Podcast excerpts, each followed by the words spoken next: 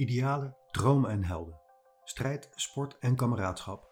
Missies en metamorfoses. Op weg naar de Invictus Games van 2020 in Den Haag vertellen veteranen over de kracht van sport in de Veteraneninstituut Sportcast. In deze aflevering het verhaal van Maarten Leeuwenburg. Hij wordt op zijn negentiende met de genietroepen uitgezonden naar Oeruzkan, waar hij zwaar gewond raakt. Hij revalideerde ging studeren en keerde uiteindelijk terug bij Defensie als bedrijfsmaatschappelijk werker.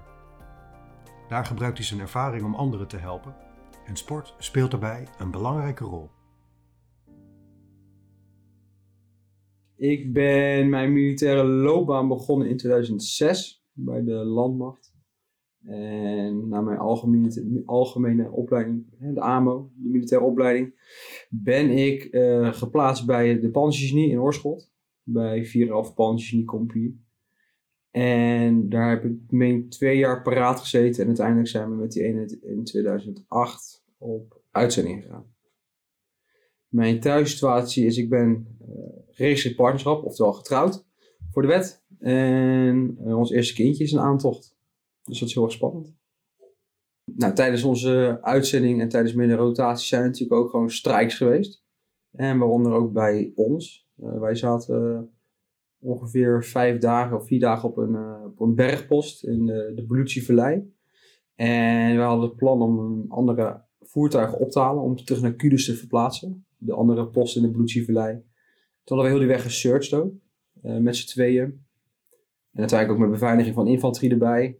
Van daaruit zijn we ingestapt in een ander voertuig. En toen we eigenlijk terugreden, zijn we uiteindelijk op een ID gereden. En wat maakte nou dat we hem niet gevonden hadden? Hij was van plastic. je kan een hoop vinden met een metaaldetector, maar plastic ga je niet vinden. Dit was ook de eerste sinds lange tijd waar ook echt plastic gebruikt werd. En of die er al heel lang lag, weten we niet. We hadden natuurlijk niks gezien, geen gaassporen, niks niet. Dus onzeker hoe, hoe dat was gegaan uiteindelijk. Maar uiteindelijk ben je er wel opgereden. En uh, ik kan mezelf in de spiegel aankijken. We hebben gesearched en ik heb samen met mijn collega gesearched. En het hebben we goed gedaan en heel nauwkeurig gedaan. Maar uiteindelijk ga je dat gewoon niet vinden. Maar het werd in ieder geval heel warm. Uh, ik ben in de lucht ingevlogen en uiteindelijk ben ik weer in het voertuig terechtgekomen. En wij stonden op ophogingjes boven het panzer, zodat je meer zicht had. En voor mij waren dat pallets of kisten die jongens erin hadden gezet. Het was ook niet mijn auto natuurlijk. Ik was gewoon ingestapt om te taxiën. Dus het was ook echt, uh, ja, stom ongeluk, uh, kan je natuurlijk ook wel zeggen. als ik een andere keuze gemaakt had om in een ander voertuig te stappen of te gaan lopen, was het misschien helemaal niet gebeurd. Hè, maar uiteindelijk uh, heb ik daar wel, stond ik daar wel. En uiteindelijk kwam ik in het voertuig weer terecht. Uiteindelijk is die, uh, die tonnen staal zijn gewoon de lucht ingevlogen. Dat voertuig is losgekomen. En wij werden, ik werd weer wakker in de auto. Dat was het, hetgene wat ik nog weet. En dat was het moment dat ik zoiets had van, nou hier moet ik weg. Dit is, uh, hier moet ik niet langer blijven. En toen heb ik mezelf losgetrokken uit de auto.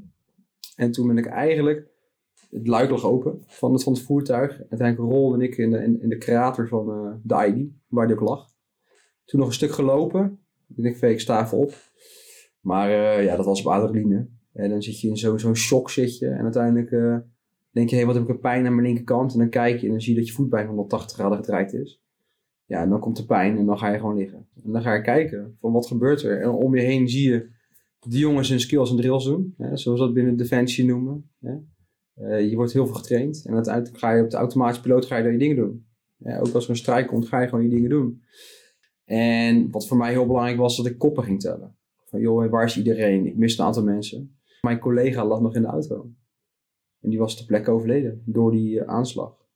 En uiteindelijk ben ik door collega's weggedragen daar. Ben ik achter een andere auto gelegd ter bescherming. Uh, maar uiteindelijk hebben de, de Comet Life de keuze gemaakt om ketten aan te leggen bij mij. En mij een flinke shot morfine te geven. Net als je vaak in van die uh, oorlogsfilms ziet, dat mensen shock morfine krijgen. En dan Iedereen we er bovenop zijn. Nou, zo voelde dat voor mij ook. Ik weet niet hoeveel morfine ze me hadden gegeven, maar uh, dat was een flinke shot, waardoor ik ook... Uh, ik heb nog een selfie met een collega van mij dat ik in die, berg lig. Met mijn bek vol bloed. En uh, ik ben soort van aan het uh, op die morfine. En dan zie je mij ook liggen. En die foto heb ik nog steeds ook een hele, hele belangrijke foto. Want dat is ook de foto dat je nog leeft. Weet je? je, je komt eruit en je leeft nog. En weet je, uiteindelijk heeft mijn, mijn maatje het niet overleefd. En ik heb een hele goede verhouding met uh, zijn ouders, zijn broer. En wij gaan ook elk jaar daar naartoe. dus elk jaar gaan we naar, naar zijn ouders toe. Elk jaar gaan we ook naar de, het graf toe. En dat is het moment dat je er vaak aan terugdenkt. En ik heb het voor mezelf gelukkig een goede plek kunnen geven. Ehm, maar het is wel iets wat je meeneemt in je leven. Weet je? Uiteindelijk heeft het je ook gevormd en gemaakt als mens zoals ik nu ben. Maarten wordt geëvacueerd en overgebracht naar het Centraal Militair Hospitaal in Utrecht. Nou goed, ik was ook een jonge vent. Ik werd uh, twintig het ziekenhuisbed. Ik heb er nog taart gegeten in het ziekenhuis. En ik had uh, zoiets van, nou, mij krijg je niet gek. Binnen drie maanden dan uh, ben ik weer helemaal klaar en dan ga ik gewoon mijn dingen doen. ja, dat was even een, een, een, flinke klap in mijn gezicht, want dat werd er gewoon echt niet meer. En ehm, uiteindelijk heb ik vier weken in het CMA gelegen. x aantal operaties hier gehad. En uiteindelijk naar het uh, revalidatiecentrum geweest. En uiteindelijk daar aan, aan ingesloten uh, bijna twee jaar gezeten. Hè? En dan denk je, ik, heb me, ik dacht, ik heb mijn enkel gebroken. En ik denk, nou, een voetballer breekt ook wel eens zijn enkel. Of iemand die uh, op, de, op de skieler staat. Ik denk, nou, drie maandjes, dan, dan ga je de hindernisbaan weer over. Maar goed, in mijn geval was de fractuur dusdanig complex. Ja, dat het... ja, dat, is, dat, dat, dat werd hem echt gewoon niet. Na een maand in het ziekenhuis vertrekt Maarten naar het Militair Revalidatiecentrum in Doorn. Het begin van een lang en intensief revalidatietraject. Ik denk doordat wij naar Doorn zijn gegaan, dat dat gewoon een heel belangrijk uh, element geweest is in de verwerking. Uiteindelijk zit je daar met z'n allen, uh, als lotgenoten. Je praat met elkaar over. Uh, je wordt er dagelijks mee geconfronteerd met elkaar. Je praat er dagelijks over. Je bent met elkaars revalidatietrek bezig. Je voelt je gesteund. En daarmee word je ook in de loot gehouden. En daarmee kan je natuurlijk een plek geven. En ik kan me zo maar voorstellen, ik weet niet zeker of dat ook echt zo is, hè, maar dat is mijn, mijn, zo kijk ik ernaar. Op het moment dat je natuurlijk continu blootgesteld wordt aan geweld. Je wordt continu blootgesteld aan stress. Vier maanden lang. Kan ik me heel goed voorstellen als je dan naar huis gaat, dat je moeite hebt met aanpassen. En wij hebben dat meegemaakt, die traumatische ervaring. Uiteindelijk ga je naar Nederland en kan je, gaan verwerken voor jezelf, samen met je revalidatie. Maar op het moment dat je in het missiegebied zit en je hebt beschieting op het kamp, je hebt indirect vuur met de, met de vijand, je hebt meerdere ID-strikes, dat stapelt zich maar op. En je continu sta je onder die hoogspanning. En ik denk, dat hebben wij niet gehad we hebben een incident gehad, wat heel traumatisch is, hè, wat, je ook, wat je ook binnenkomt. Maar uiteindelijk, doordat je ook naar Nederland bent gegaan en daar ook uh, een plek heb kunnen geven, ik denk dat dat maakt dat ik uh, er zo over kan praten. Sporten doet Maarten graag en het is ook belangrijk voor de revalidatie, maar makkelijk gaat dat in het begin zeker niet. Um, ja, uiteindelijk, uh, en je kan niet lopen, hè, dus je, je kan ook niet fietsen en je kon niet belasten. Dat was in mijn geval. Het enige wat ik kon doen was mijn kast trainen, dus mijn bovenlichaam mijn armen en mijn rug en mijn buik. Dat zijn de dingen die, die je kon trainen. En uiteindelijk begin je op een handbike in Doorn. En je, je eindigt op uh, de spinningbike, bij wijze van spreken. En ook gelang je revalidatie goed gaat, gelang wat gaat er goed, wat kan je aan, ja, daarmee bereid je ook je sport uit. dus wat ik zei, handbiken, uiteindelijk fietsen, krachttraining, uh, wandelen, uh, crosstrainer, steppen. Zo is het ook echt opgebouwd. En uiteindelijk kan je natuurlijk steeds meer. En uiteindelijk ik had nooit een racefiets gehad, maar ik wilde wel uh, mijn ei kwijt kunnen. had ik een fiets gekocht, een racefiets. En dat was voor mij wel een heel mooi middel om uh, mijn energie ook kwijt te kunnen. Tijdens mijn revalidatie heb ik uh, veel en goed contact gehad met mijn eenheid. En dat was zeer goed contact. er werd vanuit de eenheid heel veel aandacht geschonken aan, aan mij. als ik iets wilde of naar de eenheid wilde, werd ik opgehaald of weggebracht.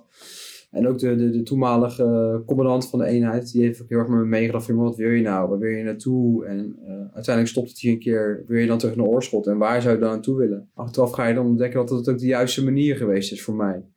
Uh, elke arts of elke therapeut kan tegen mij zeggen, nou jij bent dienst ongeschikt, dit ga je niet meer fixen. Maar uiteindelijk als je bezig bent, ga je uiteindelijk de grens ook opzoeken. En merk je eigenlijk heel snel, nou, tijdens de oefening, ja, dat het, uh, die 10 kilometer lopen, dat is voor jou gewoon niet meer weggelegd. Uh, hele nachten staan is voor jou niet meer weggelegd. Hè? En uiteindelijk uh, heb je alleen maar jezelf ermee. Ik lag s'avonds in het bos uh, met een dikke enkel. Of ik lag s'avonds in mijn legerskamer met een dikke enkel. En dan ben je een keer zat. En, en dat is het moment dat je het besef komt dat het werk niet meer past is voor je. En dan, ja, dan begint de zoektocht naar wat wil ik dan? En waar zie ik mezelf dan staan? En uiteindelijk wilde ik echt iets anders doen. En uiteindelijk kwam het uh, maatschappelijk werk op mijn pad. En of dat nou binnen Defensie was of buiten Defensie, dat maakte me eigenlijk niet zoveel uit. Maar dat trok wel mijn interesse. Ik was toen 22 jaar oud. 22 jaar jong, kan ik misschien beter zeggen. Ik had nog een heel carrièrepad voor me. En uiteindelijk was ik kapitein op mijn eigen schip. Ik kon zelf bepalen waar dat schip naartoe ging. En daar lag voor mezelf ook een hele grote uitdaging. In de zin van, wat wil ik en waar wil ik naartoe? Toen had ik zoiets van, ik ga het hbo doen. Mezelf volledig gaan oriënteren. Ik wist niet eens wat een hogeschool was. Ik wist niet eens wat een bachelor was. Ik, uh, ik ben me erin gaan verdiepen. Ik ben nog met mijn moeder naar een open dag geweest van de Hogeschool Rotterdam. Als uh, twee tot 23-jarige jongen naar de open dag. Superleuk. De overgang van zijn vertrouwde defensieomgeving naar het onbekende studentenleven is voor Maarten een flinke. Ja, dat was wel even wennen hoor. Ja, is natuurlijk een hele bijzondere wereld. Uh, ik zeg altijd, wij zijn een, uh, een eigen wereld, een eigen samenleving binnen Nederland. wij hebben onze eigen omgangsvormen, onze eigen cultuur, onze eigen communicatievormen. Ja, en dan kom je in, in de schoolbank terecht. Ehm, ja, één, bij Defensie heb je geleerd, je komt nooit te laat. Nou, op, op, het HBO was dat niet van toepassing. Daar kwamen mensen 10 minuten te laat, 5 minuten te laat, een uur te laat met de domste smoezen. Maar ja, toen dacht ik, ja, dan moet ik misschien gewoon gaan parkeren. Um, bij Defensie kom je afspraken na. Dus als je zegt, ik lever om 1 uur s middags lever ik iets in, dan lever je het om 5 voor 1 in. En uh, daar werkte ik samen met studenten die de dag, dag na leverden. Ja, dat, ik denk dat, ik daar heel erg aan moest wennen. En ook in de, in de omgangsvorm met elkaar. Maar uiteindelijk was het me gelukt dat ik nog vrij jong was, denk ik. Ik denk als ik uh, eh, 30 was geweest en ik ging een fulltime studie volgen, ja, dan was ik echt het buitenbeetje van de groep. Ehm, ik kan me makkelijk aanpassen. Ik maak makkelijk contact met mensen. Ik denk dat ik mega toegankelijk ben. Ik denk dat dat heeft gemaakt dat ik uh, ook heel makkelijk kon aanpassen aan het uh, ja, studentenleven. Ja. Voor zijn studie loopt Maarten stage bij verschillende organisaties en werkt daar met allerlei verschillende doelgroepen. Maar Defensie blijft trekken en hij belandt uiteindelijk als BMW'er toch weer op het oude nest. Sporten wordt steeds belangrijker en via bevriende veteranen komen de Invictus Games op zijn pad. Ik was al aan het wielrennen en ik was al aan het fietsen en ik, had al, ik was al op een sportschool bezig. En dat was na mijn studie. En uiteindelijk was het voor mij allereerst om gewoon nog te laten zien wat ik nog kon. Weet je, uiteindelijk... Uh, kom je terug in Nederland, eh, jaren daarvoor, en je kan helemaal geen niks meer. Je kan, niet, je kan jezelf niet eens wassen. En uiteindelijk kan je op die Victus Game laten zien dat je gewoon uh, een 100 meter kan zwemmen. En dat je gewoon weer uh, meedoet op het, niveau. En dat is gewoon echt een hele mooie drijfveer geweest, denk ik, van de Victus Games. En het heeft misschien ook wel mijn, mijn, mij als mens meer gegeven als ik hier nu zit. Ik praat vrij makkelijk, vind ik. maar het is ook een proces, dat moet je ook leren, dat moet je ook ondervinden. En uiteindelijk heeft het je ook een bepaalde kracht en zelfvertrouwen gegeven door weer op een bepaald podium te presteren. Dus als mensen heeft het mij heel veel gebracht.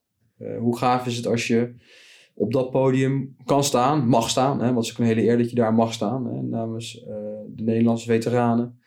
Uh, en dat je je familie daarbij kan zijn. Ja, dat is natuurlijk geweldig mooi. En ook weer het, het, het, het dat is ook nog een keertje. Uiteindelijk is Defensie natuurlijk heel hecht. Hè? Je zit natuurlijk in een, een eenheid. Mensen, men kent elkaar door en door, je doet alles samen. En dat krijgen we in Invictus ook weer terug. Weer die, die, dat hechte gevoel is daar ook gewoon. Hè, dat je met z'n allen, met één team, uh, daar naartoe gaat. En met z'n allen elkaar aangemoedigen en uh, de klus gaat klaren. En ik wilde graag hardlopen. maar tijdens mijn revalidatie meerdere pogingen ondernomen om te kunnen hardlopen. Maar uiteindelijk is dat, ja, ging dat gewoon niet meer. de enkel was dusdanig kapot. En er zit ook artrose in. En door die schokbelasting namen de klachten toe. Dus uiteindelijk heb ik tot en met, ja ik zeg tot en met 2018 niet kunnen hardlopen. Dus ik heb 10 jaar, 11 jaar niet kunnen hardlopen. En nou ja, de techniek zat ook niet stil tegenwoordig. Uh, door een, de ontwikkeling van een, uh, een brace in Amerika uh, kan ik nu weer hardlopen. En toen was ik eigenlijk de eerste die erop liep. Het was voor pilot. En eigenlijk na, na twee weken revalidatie liep ik al twee rondjes hard op het Sinterbaan. Klachtenvrij. En voor mij is het ook wel een stap geweest om de dingen ook om te doen, naar buiten te gaan, ook zichtbaar uit te dragen van hé, er is op mijn hand. Ik, ben niet, eh, ik kan niet helemaal op zijn hart lopen, maar doe de brace wel. En dat is ook een proces geweest. ook dat is uh, misschien ook iets waar ik nu nog mee bezig ben. Uh, maar ik word daar wel steeds sterker in. Al deze ervaringen helpen Maarten ook bij zijn werk. In mijn praktijk vind ik het geweldig om oplossingsgericht te werken. Hè, vanuit de veerkracht van de mens. En uh, niet kijken naar hetgene wat gebeurd is. Meer naar het, kijken, naar hetgene van, joh, wat kan je eraan doen dat het leuk wordt? Dus hoe kan je voor jezelf een mooie praktische oplossing bedenken dat je weer uh, veerkrachtiger bent om ook weer verder te gaan en stabiel te staan in je leven. Als je een kennisgesprek hebt met een cliënt, dan ga je ook vaak op zoek naar de energiebronnen. Van waar krijg je nou energie van? Wat vind je leuk om te doen? En omdat ze vaak heel veel dingen moeten doen, nou dat weet je misschien zelf ook wel, dan gaat sporten of ontspanning, dat, uh, dat komt op een zijpad te liggen. En uiteindelijk uh, adviseer ik de mensen zeker om iets te gaan doen aan beweging. En dat kan zijn gewoon een avondje, een rondje wandelen, het eten, kan al heel veel zijn. Uh, zwemmen. ik zwem elke dinsdag in Doorn. Dat doe ik samen met, met Rick Toornstra, die ook in de podcast hebben gehad. uiteindelijk is dat ontstaan vanuit de Invictus Games. Eh, het zwemteam. En dan kan iedereen meezwemmen. Ook, ook, ook veteranen die denken van, hé, hey, ik zou een keer willen meezwemmen. Ja, sluit gewoon aan. Weet je, dat, dat kan echt. Uh, ook voor de jongens die, uh, die thuis de bank zitten met, met, met, met PTSS. Uh, is, kan het ook mooi zijn om gewoon een keer van die bank te komen. En probeer mee te zwemmen in, in, een groep. En je hoeft echt niet 40 seconden of 30, 30 seconden te zwemmen op de 50. Of hoe snel, hoe langzaam je ook bent. Het gaat erom dat je, dat je gewoon in het bad ligt en gewoon weer iets actiefs doet. Uiteindelijk is sporten uh, wel een mooi middel om uh, nou, zeker stress tegen te gaan. Om je kop leeg te maken. Ik denk dat het een hele mooie is. Maarten heeft dus zelf de kracht van sport ervaren en gunt anderen die ervaring ook van harte. Voor militairen en veteranen die luisteren en met vragen zitten, heeft hij als collega, lotgenoot en maatschappelijk werker een oproep. Dus voor de mensen die werkzaam zijn binnen Defensie, en dat zijn de burgers en de militairen. Maar ook thuis, want als de militair op uitzending is, die kan uh, gebruik maken van onze capaciteit. En hoe kan je dat doen? Dat is heel simpel. Door gewoon te bellen met het BMW-loket. Dat telefoonnummer kan men vinden op internet, maar ook op intranet. En op het BMW-loket zitten zeer professionele collega's die met jou kunnen kijken uh, welke BMW uh, van jouw onderdeel is en met wie je een afspraak kan maken. En ook voor de veteranen, er zijn ook heel veel mensen die niet meer werken bij Defensie, maar veteraan zijn. En om welke reden ook hulp nodig hebben. Ja, ik zou echt zeggen, durf die stap te nemen. Weet je, dat is een, een het kan een hele moeilijke stap zijn, maar op het moment dat je die stap neemt, kan het je ook heel veel brengen. En uh, daar is het Veteraneninstituut heel goed in. Uh, uiteindelijk gaat het Veteraneninstituut ook met jou kijken van, wil je misschien wel een BMW van Defensie? we hebben een aantal collega's die echt vanuit Defensie de veteranen-BMW's, die zijn gespecialiseerd in de veteranenzorg. En dan kan je echt met iemand praten die ook binnen de defensieorganisatie werkzaam is. En dan, dat voelt voor heel veel veteranen ook prettig, een gelijkgestemde. Maar er kunnen ook mensen van Stichting Baas aangekoppeld worden. Dus als veteraan, als je echt behoefte hebt aan hulp, aan ondersteuning, ja, ik zou zeggen, schroom niet en, en, en jezelf die kans. En bel gewoon naar het veteranenloket. U luisterde naar de zevende aflevering van de Veteraneninstituut Sportcast. Telefoonnummers en andere informatie vindt u in de links en wilt u meer horen? Ga dan naar www.veteraneninstituut.nl